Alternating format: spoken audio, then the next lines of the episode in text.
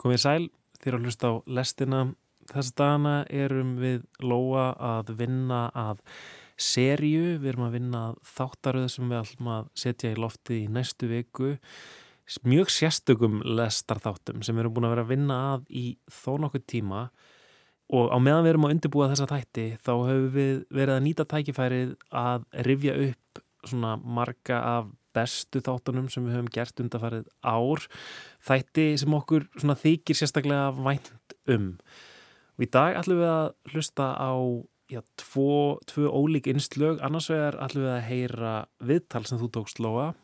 Já, ég rætti við uppáhaldsriðtöndi minn, hanna Chris Kraus um uppáhaldsbókina mína, I Love Dick. Eh, það var eh, eiginlega bara eitt af skemmtilegasta sem ég hef gert. Þannig að mér er stálega mjög gaman að fá að flytja þennan þátt áttur. Já, og svo í tilöfna því að sumarsólstöður eru í dag, þá ætlum við að flytja pistil eh, sem að ég flytti í fyrra á þessum nákvæmlega sama degi um sumar melankólíu um, þið verða að fyrirgefa að uh, þarna eru tímasetningarnar á sumarsólstöðum eru rángar, það eru frá því fyrra um, en þetta er pistillum sumar melankólíu.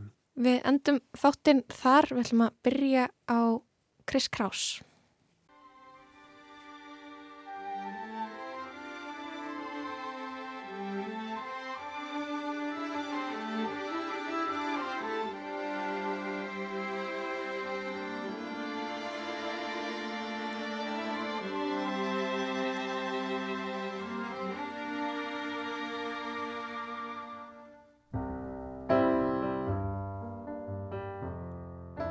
Fyrsti hluti brot úr hjónabandi.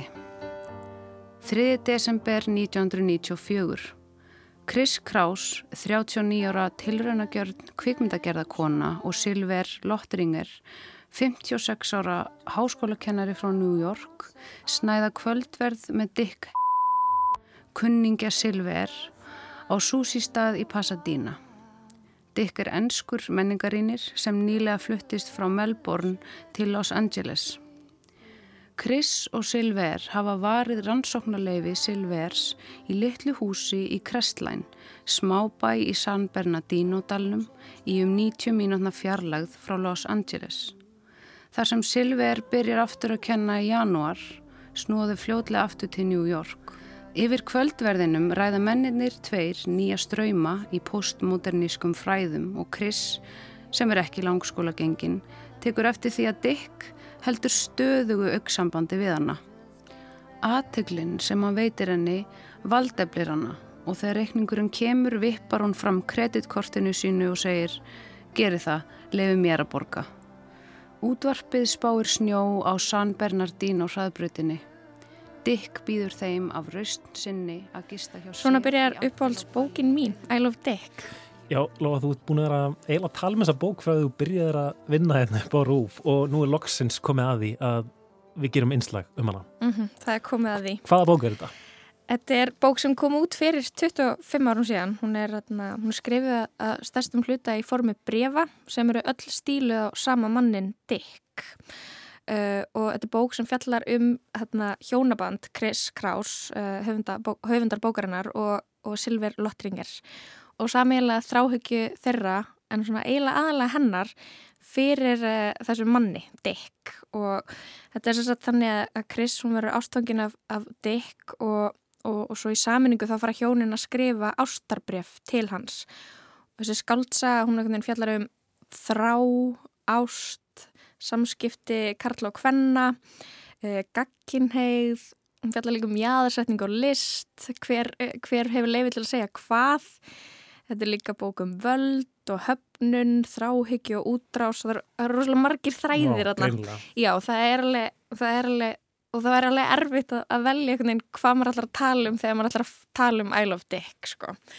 En uh, þessi skáldsæði, hún hefur líka verið kölluð fræðileg skáltsaga, uh, sjálfsæfisöguleg og það er örgulega vegna þess að brefin sem hún skrifast til Dick, þau leysast stundum bara út í eitthvað svona fræðilegar vangaveltur um list og menningu og svo náttúrulega svo staðrind að, að personur bókarinnar eru byggðar á raunverulegum personum og þetta er allt byggt á raunverulegum atbyrðum. Mm -hmm. Og meira sér líka þessi Dick sem að skrifaði til. Mm -hmm. Dick er, er raunverulegur og, og það er vegna þessa sem að bókin þótti afar umdelt þegar hún kom fyrst út. Já, geti kannski bara þótt umdelt í dag. Ég meina að það er fullt af svona málum sem að eru alltaf að koma upp hérna eh, einhverjir rítuðundar sem er að nota raunverulegt fólk, eh, raunverulegu nöfn eh, í, í bókunum sínum og þarna er sannsagt kona, þessi Chris Kraus, að skrifa um sjálfa sig og er að skrifa ástabref til einhvers manns sem hún þekkir eiginlega neitt uh, og gefur það út í bók. Þú veist, það er mjög svona óþægilegt. Algjörlega og ég held að fólki þykit ekkert sjálfsæðara í dag heldur en þá. Ég held að þetta sé ennþá bara alveg óþægilegt og nærgöngult og uh, eitthvað neginn dansiðan á línunni. Bókin var ekkert sérstaklega vinsæl þegar hún kom fyrst út og hún bara lesin af nokkur hundru manns þarna þegar hún kemur árið 1997. Um, en í dag er þetta talið eitt af svona tímamóta verkum feminískra bókmenta. Ok, og hven, hvenna kynntist þú þessari bók?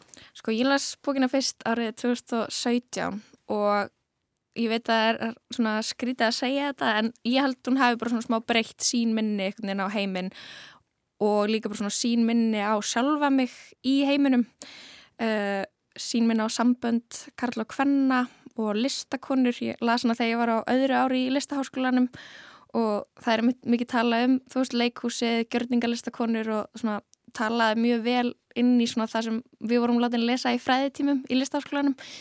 En hún er meitt sko, er að velta fram mjög mörgum, eitthvað svona mikilvægum spurningum uh, í bókinu sinni um, um þarna hvernalist, af hverju er hún alltaf jáðar, af hverju kemst hún ekki inn á miðjuna? Og uh, svo var uh, var ég líka að lesa hana aftur um daginn en bókin var tekin fyrir í bókaklub sem ég er í þar sem við erum að lesa bækur eftir, eftir konur og við áttum bara fullt af innblásnum samtölum um ástina, list, bókmyndasöguna og karlmennsku og þarna og vinkonum mín eru líka forfallinir Chris Kraus aðdöndur. Ég var bara að hugsa um hvað dýrum mætt að lesa eitthvað sem Úst, er skrifað frá þessu sjónurhóttni, skilur þú? Hún er að orða svo mikið af hlutum sem maður hefur hugsað og það er bara cathartic, það er cathartic. Þú veist, þetta er líka spurningum svona, þú veist, ég veit það ekki, þú veist, fyrirmyndir og hverjas, þú veist, hvaða hugsanir eða hvaða, svona, þú veist, hvað er einhvern veginn valuable og hvað er, þú veist, gjaldgengt sem einhver skaldskapur, skilur þú?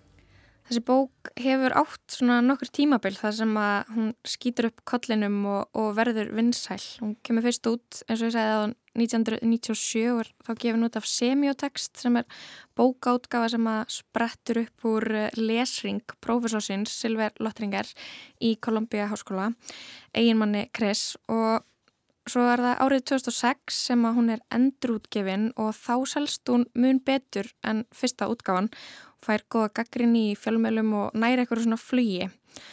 En svo er það árið 2016 og þá verður hún að eitthvað svona internet fyrirbæri. Þetta verður svona eiginlega Instagram bók. Það verður svona feministar á Instagram að deila myndum á sér að lesana og þar kynnist ég bókinu fyrst svona í þessu samhengi Instagram feministana sem ég var að fylgja á þessum tíma Svo koma sjómanstættir árið 2017 sem eru svona byggðir lauslega ásæri bók uh, þar sem að Catherine Hann leikur Chris Kraus og Kevin Bacon fer með hlutverk uh, kynþokka fulla kúrugans Dick. Dear Dick, this is about obsession. Is about me missing you, even though I've never met you, Dick. And is it weird that this is not at all what I expected? Þú lánaði mér þessa bók í byrjun sömas. Já, ég held ekki að þú myndir hafa gaman að henni, sko. Ég hafði gaman að henni og, og, og kannski ekki tíst þá varst mér gaman að, að vera að lesa hana á svona al, almanna færi af því, að því að maður færi eitthvað svo mikil viðbröð fólk er eitthvað svona, hvað ert að lesa? Og svo rétti maður bókina I Love Dick mm -hmm. og ég til dæmis var að lesa hana í, í, í ferðalagi með stórum strákahópi og þetta þótti einhvern veginn alltaf voðalega fyndið mm -hmm. um, einhverju svona homoerotískir uh, undirtónar í því Ég veit ekki. Já, þú veist, ég hef oft, oft fengið eitthvað svona fliss þegar ég er með þessa bók á almanna færi uh, eins og maður sé að bó, lesa bók sem að hei, því, myndi þýðast sem ég elska tippi sem er eitthvað neginn ekki það sem þessi bók er um, hún er um dikk, manneskina dikk en þetta er ennáttúrulega tvírækt einmitt. um, og röglega þess vegna sem að þessi bók verður eitthvað svona mím, verður þetta internet, Instagram fyrirbæri þetta er bara svona, þetta er bara þrjú orð sem þú einhvern veginn gleymir ekki grænu, skergrænu letri á hvítri kápu Máttalega. og já, mjög svona Instagram væn vegna þess sko Chris tilkynir Silver að daðrið milli hennar og Dick kvöldið áður geti talist hugmyndafræðileg rýðing. Þar sem Silver og Chris stunda ekki lengur kynlíf viðhalda þau nánt með afbyggingu. Það er þau segja hvort öðru allt. En I Love Dick er meira en bara krassandi titill, þetta er augrandi og heiðarlega bók og sem, sem orðar eitthvað svona ósagt í kvanleiri tilvist. Og þegar ég fór að lesa bókin aftur með bókaklubnum þá uh, uh, ákvað ég að prófa bara að senda tölvupost á umbásmann Chris Kraus og sjá hvert ég kæmist, hvort ég myndi ná okkur sambandi við hennan höfund sem ég hef verið að eiga ykkur svona einliða uh, samtali við sem ég las bókina fyrst. Um, eftir eitthvað svona þrjá tölupósta þá er ég byrjuð að tala beint við Chris og við bókum Zoom-fund. Chris er, er núna orðin 66 ára, hún, hún er frá Nýja Sjálandi en hún býr í Los Angeles og hefur búið þar lengi. Þannig að ég beði um að senda henni spurningarnar fyrirfram, ég skrif okkur 40 spurningar sem ég stýtti í 20 og, og svo finn ég út í hvernig ég á að texta viðtalið beint meðan við erum að tala saman út því að hún er orðin verulega hernaskert og þegar það er loksins komið að þessu að, að þarna að byrja sumfundin þá er ég bara orðin virkilega stressuð. Og þetta, já, þetta var alveg frekar stórt moment oh my god hi, hi Chris um I can't hear you for some reason Where are you? Okay, hi. So the reason I'm late is the webcam isn't working. Já, ég var aðeins að hjálpa þér aðna með, með tæknumólin en, en, en svo var ég bara reikin út um, hvað gerðist eftir þetta, hvernig var viðtalið? Uh, viðtalið var eiginlega bara eiginlega skemmtilegasta sem ég hef gert. Uh, það er rugglað að fá að tala við eitthvað sem þú ert búin að le- lesa nokkra bækur eftir en þarna og fá að spyrja út í allt sem þú skildir ekki í bókinni. Allt sem að er ósagt. Mm og fá kannski að bera undir uh, höfundin, einhvern veginn þínar pælingar. um, hvernig byrjaður viðtalið? Hver var fyrst, fyrsta spurningin? Sko, ég byrjaði náttúrulega á því að- rósa bókinni og, og játa aðdáðun mína en það sem ég vildi samt síðan byrjaði að spyrja úti væri, var samhengið. Uh, þú veist, hvernig það kæmina fyrir sjónir að, að þessi bók sem kom út árið 97 bæði einhvern veginn á öðru tímabili í lífi hennar og öðru tímabili einhvern veginn í menningunni og, og þess að staðrenda að þessi bók einhvern veginn skipti ennþá máli eða þessi ennþá einhvern veginn nýjir lesendur að bætast í hópin og, og ræða bókina, hún sé einhvern veginn ennþá uh, hún eigi einhvern veginn ennþá við Yeah, well, I mean, obviously, I'm happy about that. I mean, when you write a book, your greatest wish is that people will read it, and not just over the next six months, but beyond that time. So there's nothing more gratifying than to see that the book has reached other generations of readers. I mean, by this point, even people who weren't born when the book came out. I mean, what more could a writer hope for? And I mean, yes, obviously, a lot of things have changed in the culture since then. And I guess the sort of more explicitly kind of um, feminist political talking points of the book that people would pick up on at the time about privacy. Já, Chris talaði um civility að hún var náttúrulega augljóslega frekar ánaði að þessi bók væri ennþá lesin og, og að þegar að reytöndar skrifa bók þá er það náttúrulega þeirra stærsta ósk að fólk lesi hana og ekki bara eitthvað næsta halva ári eftir hún kemur út heldur lengur. Og, og það sé ekkert meira gefandi heldur en að vita að bókin hafi nátt til lesenda uh, af öðrum kynsluðum og líka til þeirra sem að voru einhvern veginn ekki fættir þegar bókin kom fyrst út. Uh, en svo er mitt komin inn á þetta með menninguna sem að einhvern veginn hefur breyst tölvert síðan að bókin kom fyrst út og, og hún tala um að þú veist augljóslega hefur margt breyst og það sem einhvern veginn var í umræðina á þeim tíma þegar bókinn kemur út, þessi pólitísku og feminísku málefni sem snýrast að engalífi, sínileika og inngildingu í menningu og listir. Þetta er eitthvað sem hefur breyst mjög mikið síðan þá og mikil vinna sem hefur átt sér stað í þessum málaflokkum. Um, það er að segja að þú veist, feminísk barata hefur alveg skilað ykkur um árangri. En svo tala um tala um sko þessi sálræna upplifun sem þessi bók meðlar eh, svona kjarni bókarinnar eh, sem fjallar um að upplifa þessi bugaða og vonsvikna eh, of kvenlega, of ljóta of mikið þetta og of mikið hitt. Eh, það er eitthvað svona tilfinning sem mun eh, alltaf vera til, bara til næstu hundruður ára, eitthvað sem mun aldrei breytast og, og það er svona haldið það áfram að eiga við that will go on for hundreds of years. That will never change. Mm -hmm. Af hverju heldur fólk að við séum niðurlagðar þegar við erum að kanna niðurlægingu eða kanna okkar eigin ringrás niðurlægingar?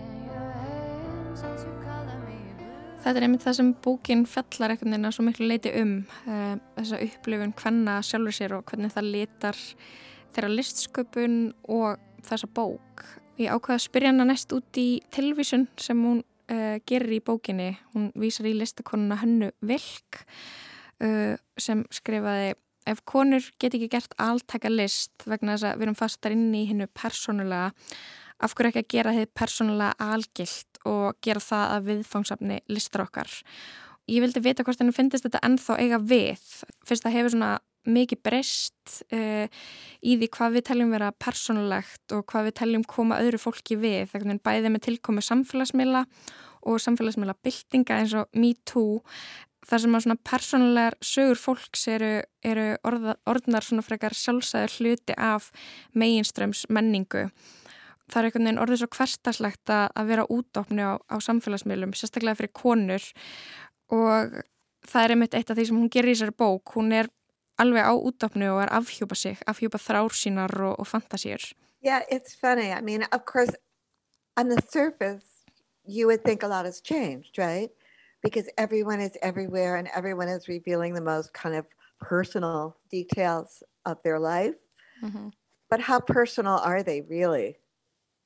A lot of this revelation has more to do with image building and self esteem than it has to do with really giving a truthful readout of where you are in the moment. I think that's still very hard for people to do.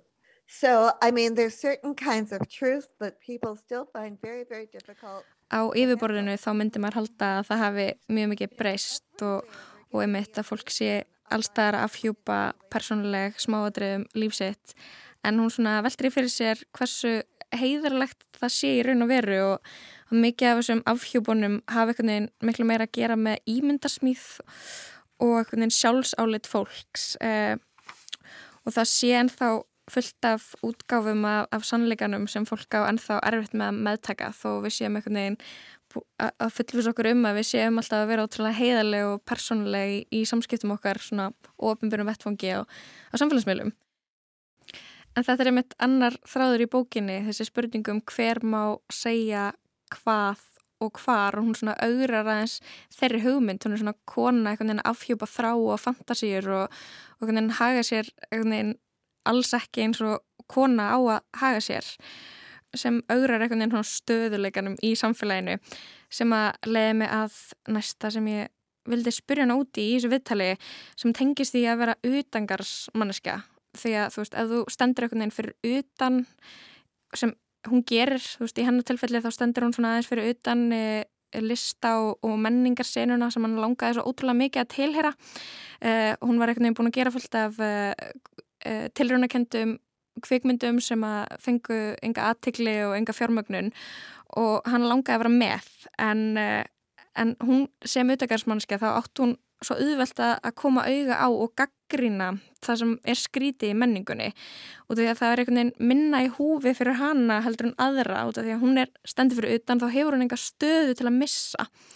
Uh, og er, hún er einhvern veginn frjálsar til að segja allt sem henni er dettur í hug aðrir þurfa einhvern veginn að passa sig meira að, að styggja engan og ég spurði hana út í það sko hvers vegna hún taldi að, að bókin hefði verið svona pólariserandi á sínum tíma þegar hún kom út og svona hvernig fólki sem hún skrifaði um í bókinni hefði tekið í að vera personur í bókinni. Funny. Um, the book came out in 1997. I didn't have email at that time. I only started on email, dial up email a year later, like a lot of people. Um, so when the book came out, I had no idea that it would be read by more than a few hundred people in New York and LA. I never thought people back in New Zealand would read the book. So I felt free to name everybody by name and say whatever the hell I wanted about people in New Zealand. And years later, I remember going back and apologizing to certain people in person when I was back there because I had no idea to change their names. It just seemed so remote that they would ever, ever read it. Mm. Um, so. But what about the people you, you name that are in LA and New York circles? How did they how do they feel about that? Well, I tried to be careful with New York and LA because I knew that those people might see it. Um, so if I had something really unpleasant and nasty to say about somebody Chris var ekki með tölvupost á þessum tíma sem að bókin kemur út og hann gruna einhvern veginn ekki að, að bókin er þið lesin af fleirum heldur en bara nokkur undur manns í, í New York og Los Angeles og datt enga veginn í huga fólk á nýja sjálfandi myndi lesa bókina. Þannig að henni fannst hún veginn hafa frelsi til þess að skrifa raunverulegin upp fólks og segja veginn það sem hann er datt í huga að segja en þú veist, svo endar á því og hún fer uh, aftur nokkrum árum setna til nýja sjálflands og beður fólk þar einhvern veginn afsökunar í personu á því að hafa skrifað um þau en þegar koma fólkinu í, í, frá New York og LA þá viss hún einhvern veginn að þau myndu lesa bókina og ef hún hafði eitthvað óþægilegt að segja um fólk þá breytt hún nöfnum og, og notaði bara raunverulega nöfn fólk sem hún hafði eitthvað jákvægt eða hlutlast að segja. En já, lesandi þessa bók uh, 25 árum eftir hún kemur út, verandi Íslandingur, uh, þá svona fannst mér alveg erfitt að áttam á því sko, hvort að fólk verður raunverulegar personur eða ekki og það kannski verður kannski... Ekki nema kannski fólki sem er mjög frækt já. sem að, já En eins og þú, þú vissir alveg að Silver Lottringar verði til, þú þekktir hann fyrirfram með það ekki? Bókaútgefandi, já, já. Uh, og heimsbyggingur, þannig að ég hérna, kannæðist við hann, jú. Já, maðurinn hennar, mhm. Chris Kraus. Og það eru nokkri svona heimsbyggingar sem að skjóta upp kollinum hann í, í bókinni, flestir miklar kallarembur. Mm -hmm, algjörlega, og svo er David Byrne í einhverju senu, í einhverju partí og eitthvað svona, og, já, og hún... En þessi, þessi bók, hún alltaf hristi alveg upp í menningar uh, lista á bókmynda heiminum á þessum tíma þessar senur, þetta er alltaf, þú veist, bara litlar senur. Og þetta fólkið þótti bara svona mjög óþægilegt að hún væri að skrifa á svona beinskettan hátt um þetta fólk og bara um þau sjálf. Uh, það augraði mjög mikið svona uh, status quo í þessum uh, menningar elitu þess tíma. En hún talar um eitt um að þarna, það sé öruglega þess svona sem þessi bók hafi verið pólariserandi ástæðan fyrir að hún fekk svona neikvæðar viðtökur í fyrstu er að þessi bók er skrifið af utakarsmanniski, af manneski sem hefur veginn enga að tapa, manneski sem að kemur auða á það sem er skrítið og, og hún einhvern veginn fer að taka pláss og, og það er óþægilegt. Mm -hmm. Hún ági að taka pláss, hún ági að tjá sig um, um það sem er í gangi.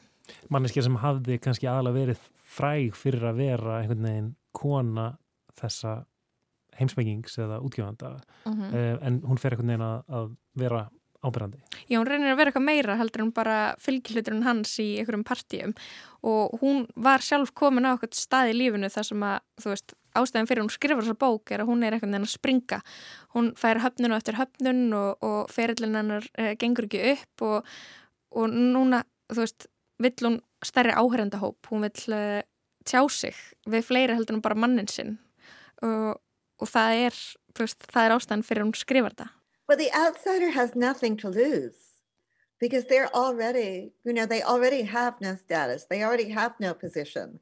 So they can afford to be a lot more reckless than the insiders. Mm-hmm. And that's something I think that the insiders really have to fear because the outsider can like, you know, the outsider can call out the emperor's new clothes.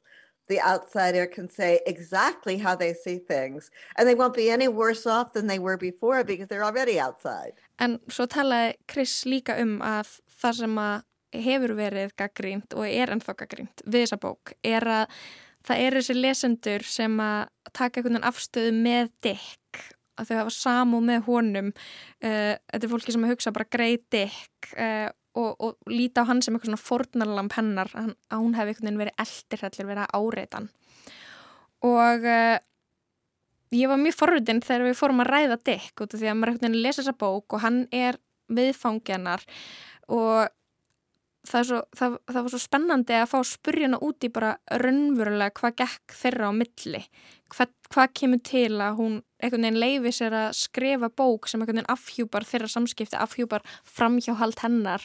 Hún heldur framhjá manninu sínum með honum og, og, og öll þessi ástabref og, og hana, þegar hún vil sofi hjá honum hún bara skrifar það mjög berort skilur að hana, hvað einhvern veginn raunverulega átt sér stað There was also, of course, the easily criticizable fact that I was, quote, stalking this poor Dick, although I didn't identify him by his full name.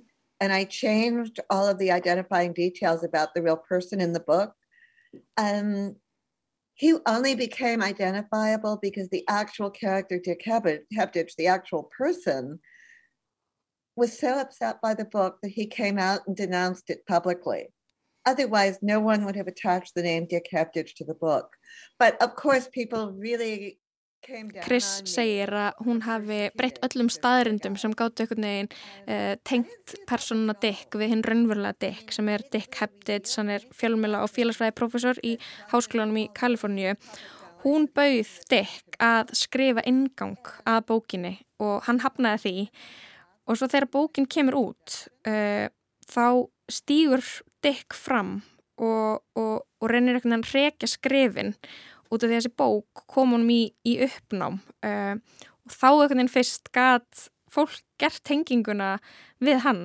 Fólk fatta að Dick í bókinni er þessi Dick, Dick Hebditch þannig að hann einhvern veginn afhjúbæla sjálfan sig.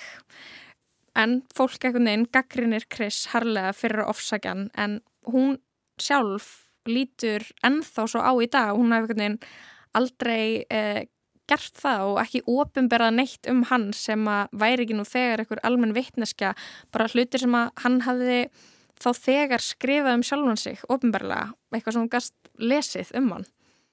Maður skilur alveg svona þessa afstöðu einhvern veginn, þetta er náttúrulega mjög svona óforskammað einhvern veginn að um, taka einhvern mann og bara skrifa ástarbref ofinberlega til hans án þess að hann hafi nokkuð um það að segja mm -hmm. og svo einhvern veginn ítrekka í bókinni þá þannig að vill hann einhvern veginn ekki vera með? Dick gefur ekki gefur einhvern veginn ekki sitt samþykja hann kannski gefur það í byrjun og svo einhvern veginn er alltaf að reyna að draga úr því og vill ekki vera þáttakandi í þessum, þessum leik og þessu listaverki sem að Chris telur sig vera að búa til. Um, en myndi ég er alveg sammála. Ég, ég upplifiði hann alveg sem fornalamp en svona fyrst þegar ég las bókina en svo þegar ég las hann aftur núna þá upplifiði ég svolítið annað. Ég mér varst þetta bara vera svolítið svona tímamóta pæling að I love Dick eitthvað, svona hlutir sem að ég vildi að ég væri sjálf búin að gera og ég geti bara eitthvað einn gert núna. Mm, Býtu nú við, hvað hérna, hvað, hvað þýðir það þá að I love Dick eitthvað? Það er bara að, þú veist, orða þrásina við eitthvað og, og, og breyta þrásinni í listaverk og ég ákvað bara að spurja hana út í það hvort hún mældi með því að I love Dick eitthvað og eitthvað svona viðkendi fyrir henni að ég hefði eitt kvöldinu fyrir viðtalið í að reyna að skrifa ástabref til einhvers uh, ímyndast Dicks í mínu lífi. So to act on that, you know, to manifest it in like a more visible way and to take it outside of your mind and your body, um, yes, I think that can be very liberating. Mm-hmm. I mean, not to the extent that you're like hurting and actively harassing people, but it's more a matter of like, you know, putting out there into words what's going on between the lines. There's always the subtext going on that can drive us crazy. And sometimes it's just very freeing to articulate the subtext. People need to hear it so we know what we're dealing with here. Já, Chris mælir bara með því að I love Dick eitthvað að, gera þrána sína uh, sjáanlega og fara með hana út fyrir hugsanir sínar og eigin líkama. Og það getur verið ókslega frelsandi. Út af því að það snýst í rauninu bara um að setja eitthvað út í kosmosið sem er nú þegar til ef þú getur lesið á milli línana og því að það er alltaf eitthvað svona undirteksti í gangi í samskiptum og, og undirtekstin gerur okkur galinn allt þetta ósagða, allt sem að liggur á milli hluta. Og, og það er svo frelsandi uh, sérstaklega fyrir konur að bara orða undirtekstan út af því að ef við orðum hann ekki þá vitum við ekkert hvað er í gangi í samhenginu við ástarsambund kalla á hvenna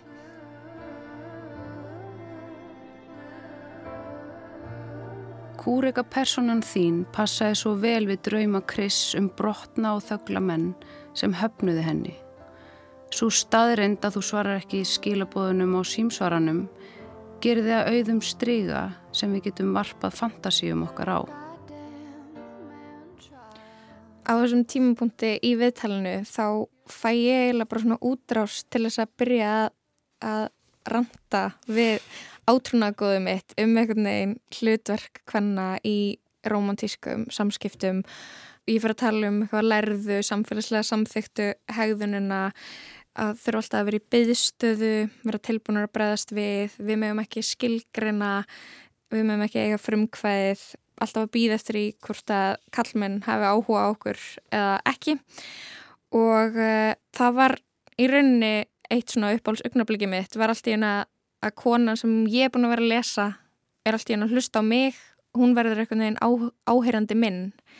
En við rettum það svona einhvern veginn það sem gerist einhvern veginn í bókinni sem er að Chris Kraus uppgötur einhvern veginn sína höfundarött í gegnum það að tala við Dick um, um hlutina sem hún hefur áhuga á að þessi bók er einhvern veginn ekki bara um þráhugjanar fyrir einhverjum kallmanni það, það skiptir mjög miklu máleiknin hvaða kallmaður þetta er. Hún fær einhvern veginn í fyrsta skipti að, að stíga út úr búblu hjónaband síns, að tala um einhvern annan um, um pælingarna sínar heldur um bara eigimannsinn, Silver Lottringar uh, hann gefur henni fullkomi leifi til þess og, og skinnjar að einhvern veginn að það væri komin tími til þess að hún fengi stærri áhörendahóp og Chris segir að, að, að allir rítöfundar, allir höfundar þurfi áheranda þú sést alltaf að ávarpa einhvern, alltaf að tala til einhvers og, og það er svona, uh, hún sér ekki eftir, eftir neini sem hún gerði á þessum tíma, sér ekkert eftir í að, að skammast sín ekkert fyrir að hafa átt í soldið einhliða og þráhyggjukendu eiginlega ímynduðu ástasambandi við, við mann sem hún þekkti afar lítið en, en hafiði svona ótrúlega mikið áhuga á út af því að í gegnum hann og, og þessi bref til hans byrjar hún veginn að geta skrifað og uh, finnur sína rött sem að hún getur þá miðlað síðan til allra annara, ekki bara mm -hmm. Dick. Emmitt og mér fannst ég einhvern veginn eiga það móment með henni þegar að það skiptir nefnilega svo miklu máli hver hlustar á mann manneska sem þú bara verðingu fyrir og lítur upp til að hún sé tilbúin að ljá þér eira er bara svo útrúlega stór gjöf Munurinn núna og fyrir 15 árum er sá að ég held að þá hefði ég aldrei getað skrifað í neinar af þessum minnisbókum í fyrstu personu. Ég þurfti að finna þessa dullmálslikla fyrir sjálfa mig að því alltaf þegar ég reyndi að skrifa í fyrstu personu hljómaði það eins og önnur manneskja eða taugaveiklaðasta og ófrumlegasta hliðin á mér sem ég þráði svo mikið að komast frá.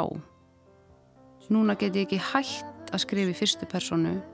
Mér lýður eins og þetta sé síðasta tækifæri sem ég hef til að átta mig á því sem er að gerast.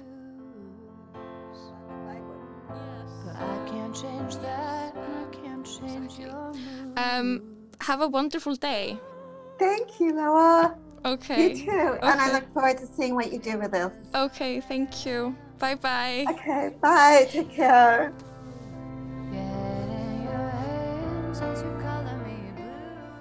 Oh my god. Uh, oh my god. Ég trúi þess ekki. Ah! hvernig gæti ég komið þér í skilning um að brefin voru það raunverulegasta sem ég hef nokkuð tíman gert. Með því að kalla þetta leik varst að ógilda allar tilfinninga mínar.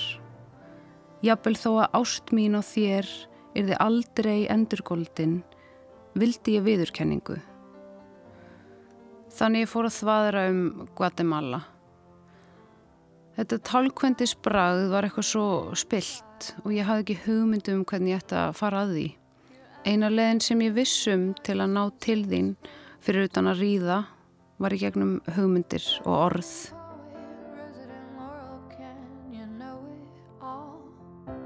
Talk to the walls when the party gets bored of you But I don't get bored, I just see it through Why wait for the best when I could have you? You, cause you're just a man, it's just what you do. Your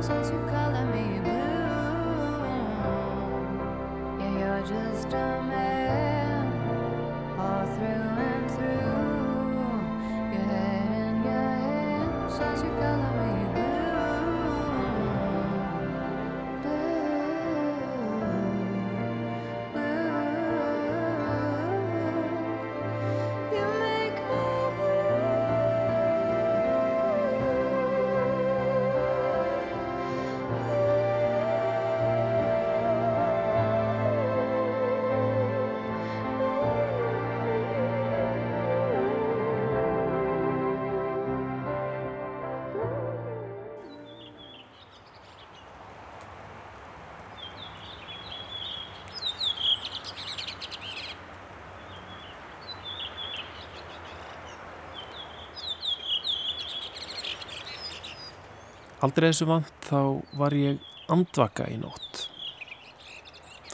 Ég fór út á svalir og hlustað á fugglana í miðnættur sólinni.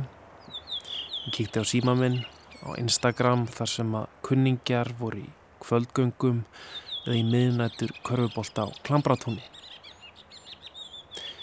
Mér varð hugsað til túristana sem að reyndu á nákvæmlega sama augnabliki að festa svefn grafa svefn grímuklætt andlit sín og hann í kottana og hótelherbergjum og bölsótuðist yfir sólargeslunum sem smugu limskulega fram hjá jæðri gardínana.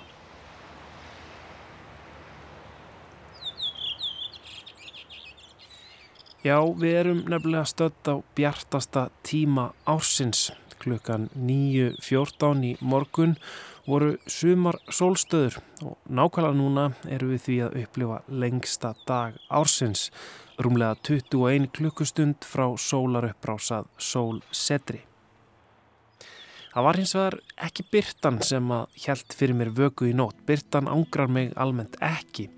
Var bara hugsa um vikuna framöndan, en það er lefstinn á leðin í sumafrí í lokvikunar og svo margt sem ég langar að gera í fríinu.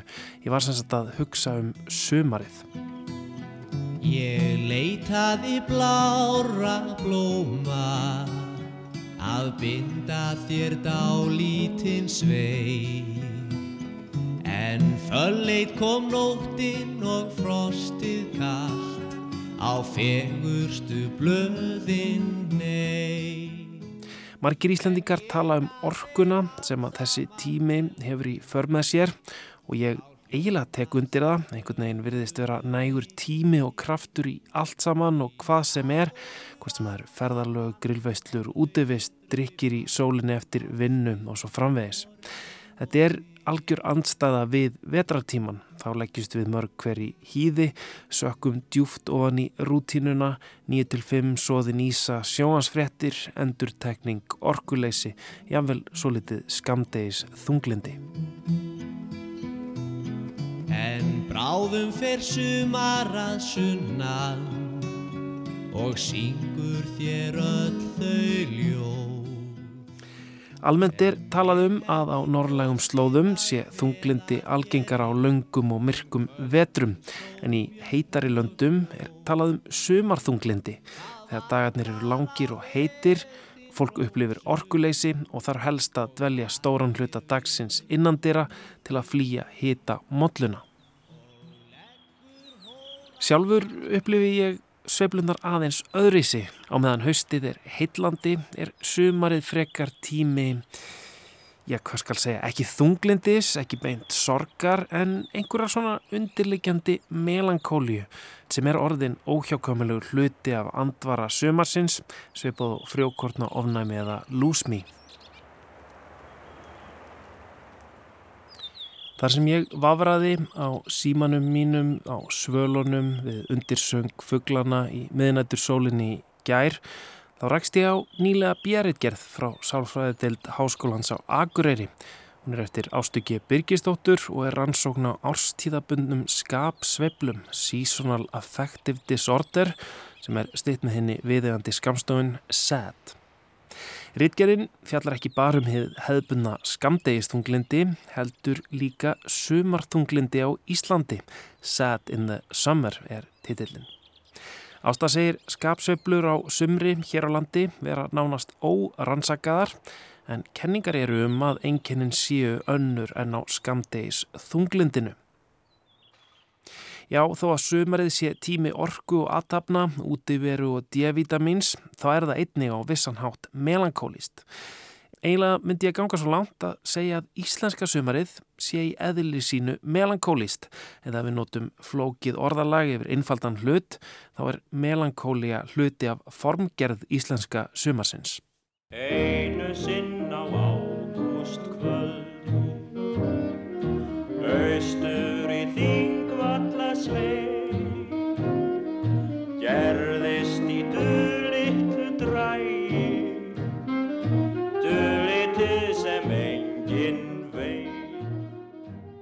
Og þetta hefur allt með daginn í dag að gera, sumar sólstöðunar, lengsta dag ársins sem er í raun einhvers konar hásumar, að minnstakosti í stjarnfræðilegu samhengi.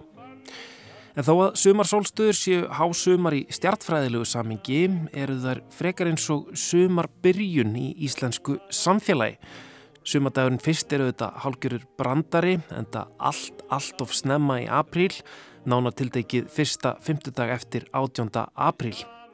Já, því að á Íslandi er apríl svona varla vor mánuður og þó að mæsi oft fallegur er hann mjög brokkengur og júni, hver mann ekki eftir snjókomu í júni.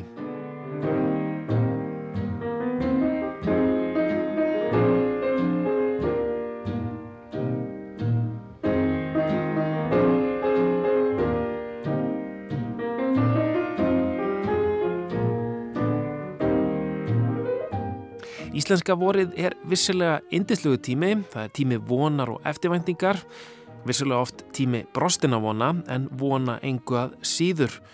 Sólin er að rýsa, dagurinn verður stöðuð lengri og bjartari en að fenginni reynslu reikna maður ekki með neinu þannig að hver einasti sólardagur að vori er óvænt ánægja algjör bónus. Þó að æfi árin hverfi Og svo kemur sumarið. Hið eiginlega sumar byrjar varla fyrir ennum mánaðamótin júni-júli. Þá fara leikskólar í frí og foreldrar bítast um sumarbústaði stjættarfélagana. Það er þá sem allt er orði grænt, fugglarnir syngja, fólk reiknar með góðu veðri, það ætlar að vera í lauginni í allt sumar, það ætlar að mála pallin, það ætlar að elda sólina á húsbylnum. En þetta er innmitt hinn melankóliska mótsögn íslenska sumarsins.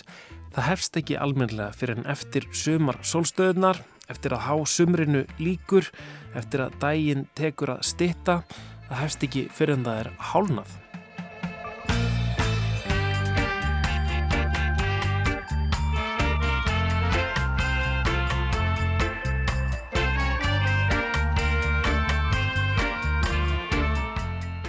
Já, þannig er það í eðlir sínu. Það er farið að síga á setni hlutan, jável áður en sumarið hefst. Sumarið er ekki byrjað og strax farið að renna þér úr greipum, þú sér fyrir endan á því, finnur hvernig byrtan verður stöðut minni, klukkustundinar í deginum verða færri, þú áttar þig á því að þú ert aldrei að fara að ná að gera allt það skemmtilega sem þú ætlaðir, vonin verður að örvæntingu, hver skíjaður dagur er vombriði, hver rigningar helgi, örlaga, þrungin, þetta er búið, við getum allt eins hægt við þetta allt saman, mætt aftur í vinnuna og sleppt þessu heimskulega sumafríi.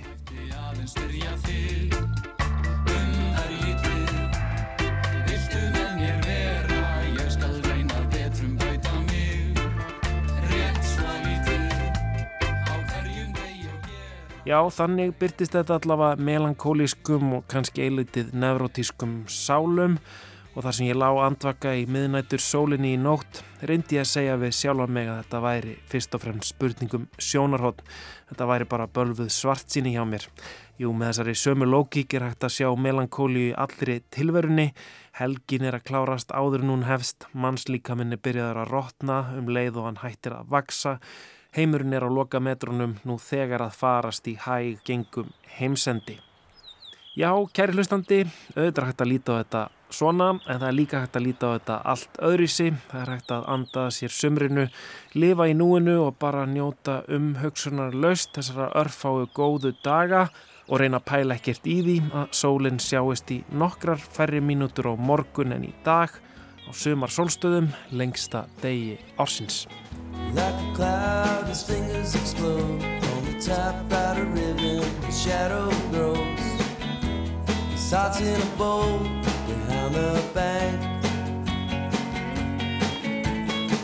And every evening when he gets home To make his supper and eat it alone His black shirt cries while his shoes get cold.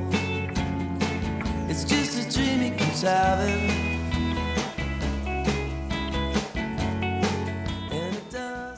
Þannig enduðum við á hljómsettinni Wilco og lægi sem heitir Summer Teeth. Þetta var pistill úr lestinni frá því fyrir nákamlega árið síðan á sumar solstöðum 2022. Þar á undan heyrðum við viðtal við nýsjálanska rittvöndin Chris Kraus og vorum að velta fyrir okkur bókinu hennar I Love Dick, einn af mínum uppáhalds rittvöndum, mín uppáhaldsbók. Uh, já, við erum að endurflytja þessa þætti eða þessi tvö innslög hérna í lestinni í dag og erum búin að vera að gera þessa vikuna út af því að við erum að vinna að þáttum serju sem við ætlum að flytja í næstu viku. Uh, ég ætla að lega mér að segja Kristján að uh, serían sem við erum að gera núna þetta er alveg svona, þetta er búið að vera svolítið svona þitt áhuga mál þetta er alveg svona Þetta er mjög mikið Kristjáns Já, fyrst er það, já, einmitt. Já, sumum myndi kannski segja þráhyggja. Já, ég veit það ekki þetta er auðvitað bara um, efni sem að uh, margir er að fást við nákvæmlega núna en uh, maður er alltaf að reyna að finna nýjar leiðir til þess að tala um hluti sem að uh, margir er að tala um. Mm -hmm. og þetta er eitthvað svona tilraun til þess. Takast á við stórt viðfóngsefni en komaði einhvern veginn í skiljanlegan um, í skiljanlega stærð einhvern veginn. En lofa þetta kannski líka kýtlar þig örlítið að þetta svona blandar kannski saman þínum tveimur, um, hvað er það að segja, uh, störfum. Ymmiðt, það er þú að tala um fyrra starfmitt sem eh, sviðslista manneskja. Nákvæmlega. Já, þetta kannski verður þetta smá útarpsleikús. Já, smá gjörningur. Eða kannski mikið, mikil gjörningur. Við skulum þetta ekki segja, segja meira. Þetta er... Um, já, kemur allt í ljós á mándag þegar við byrjum þessa sériu en uh, við þakkum fyrir í dag. Lestin verður hérna aftur á sama tíma á morgun. Verðið sæl